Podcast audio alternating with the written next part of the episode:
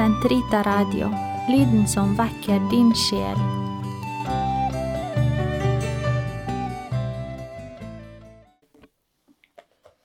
Den katolske kirkes katekisme, uke sju, torsdag Nei, fredag. Paragraf 1803 til 1809. Syvende artikkel dydene. Alt som er sant, alt som er edelt, alt som er rett, alt som er rent, alt som er verdt å bli elsket og satt pris på, ja, alt som måtte finnes og være godt og rosverdig, fyll tanke og sinn med det. Dyd er en vedvarende og fast innstilling på å handle vel. Den setter mennesket i stand til ikke bare å foreta gode handlinger, men å gi det beste av seg selv. Det dydige mennesket beveger seg i retning av det gode, av alle sine sanse- og sjelskrefter. Det søker det gode og velger det ved konkrete handlinger. Målet for et dydig liv består i å bli Gud lik. 1 menneskelige dyder. Menneskelige dyder er grunnfestede holdninger, faste innstillinger, vedvarende fullkommenheter i forstand og vilje som styrer våre handlinger, ordner våre lidenskaper og leder vår fremferd i pakt med fornuften og troen. De gjør det lett å føre et moralsk godt liv og fører selvbeherskelse og glede ved det med seg. Et dydig menneske er en som fritt gjør det gode. Moralske dyder oppnås på menneskelig vis. De er frukt av og spirer til moralsk gode handlinger. De gjør alle menneskers krefter skikket til å få del i den guddommelige kjærlighet. Kardinaldydene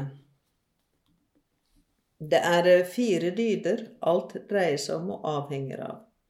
Av den grunn kalles de kardinaldyder. Alle andre forholder seg til dem. Dette er klokskap, rettferdighet, mot og måtehold. Elsker du rettferdighet? Vit at dydene er visdommens verk, for den lærer deg sindighet og klokskap, rettferdighet og mannsmot. Visdommens bok 8.7. Under andre navn roses disse dydene mange steder i Skriften. Klokskap er den dyd som gjør den praktiske fornuft skikket til, under alle omstendigheter, å skjelne vårt sanne gode, gode og å velge de rette midler til å oppnå det. Den kloke gir akt på sine skritt. Vær da våkne i tanke og sinn så dere lever i bønnen. Klokskap er den rette regel for handling, skriver Sankt Thomas i tilslutning til Aristoteles. Den må ikke forveksles med fryktsomhet eller angst, heller ikke med falskhet eller forstillelse. Den kalles dydenes kusk, auriga virtutum for den styrer de andre dydene ved å gi dem retning og grenser. Det er klokskapen som på en umiddelbar måte leder samvittighetens omdømme. Det kloke mennesket beslutter å ordne sin fremferd i samsvar med dette omdømmet. I kraft av denne dyden anvender vi ufeilbarlig moralprinsippene på enkelttilfeller og vi overvinner tvil angående det gode som skal gjøres, og det onde som skal utflys. Unnflys. Rettferdighet er den moraldyd som består i varig og fast vilje til å gi Gud og nesten det som tilkommer dem. Rettferdighet mot Gud kalles religionsdyd. Virtus religionis. I forhold til mennesker gjør den skikket til å gi akt på den enkeltes rettigheter og til å opprette harmoni i mellommenneskelige forhold under hensyntagen til den enkeltes rett og fellesskapets beste. Det rettskafne mennesket, som ofte nevnes i de hellige bøker, kjennetegnes ved alltid å tenke rett og fare rett frem overfor sin neste. Du skal ikke holde med noen fordi han er fattig, og ikke gi noen rett fordi han er mektig. Rettferdig skal du dømme din landsmann. De som er herrer, må la sine slaver få hva rett og rimelig er, og tenke på at de selv har en herre i himmelen. Mot er den moraldyd som under vanskeligheter sørger for fasthet og utholdenhet i å søke det gode. Den styrker beslutningen om å stå imot fristelser og overvinne hindringer i morallivet.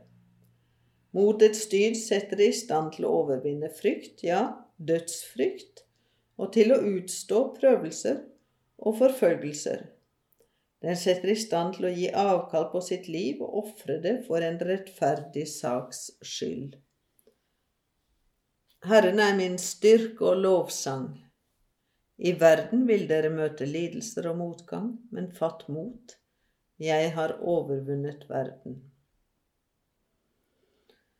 Måtehold er den moraldyd som holder trangen til forlystelser i tømme og sørger for likevekt i bruken av skapte goder. Den sikrer viljens herredømme over instinktene og holder lysten innenfor anstendighetens grenser. Det måteholdne mennesket retter sitt sanselige begjær inn mot det gode, utøver sunt skjønn så det ikke forfølger sitt hjertes lyster. Måtehold prises ofte i Det gamle testamentet. La deg ikke lede av ditt begjær, men hold din lidenskap i tømme. I Det nye testamentet kalles den sømmelighet eller edruelighet. Vi skal leve vårt liv i denne verden sømmelig, rettskaffent og fromt. Å leve godt er ikke noe annet enn å elske Gud av hele sitt hjerte, hele sitt sinn og i all sin gjerning. Det er ham vi forbeholder hele vår kjærlighet ved måtehold, som ingen ulykke kan få til å vakle. Det har med mot å gjøre, som adlyder ham alene, og dette er rettferdigheten, som årvåkent gransker alle ting av frykt for å bli overrasket av lureri og løgn. Og dette er klokskap.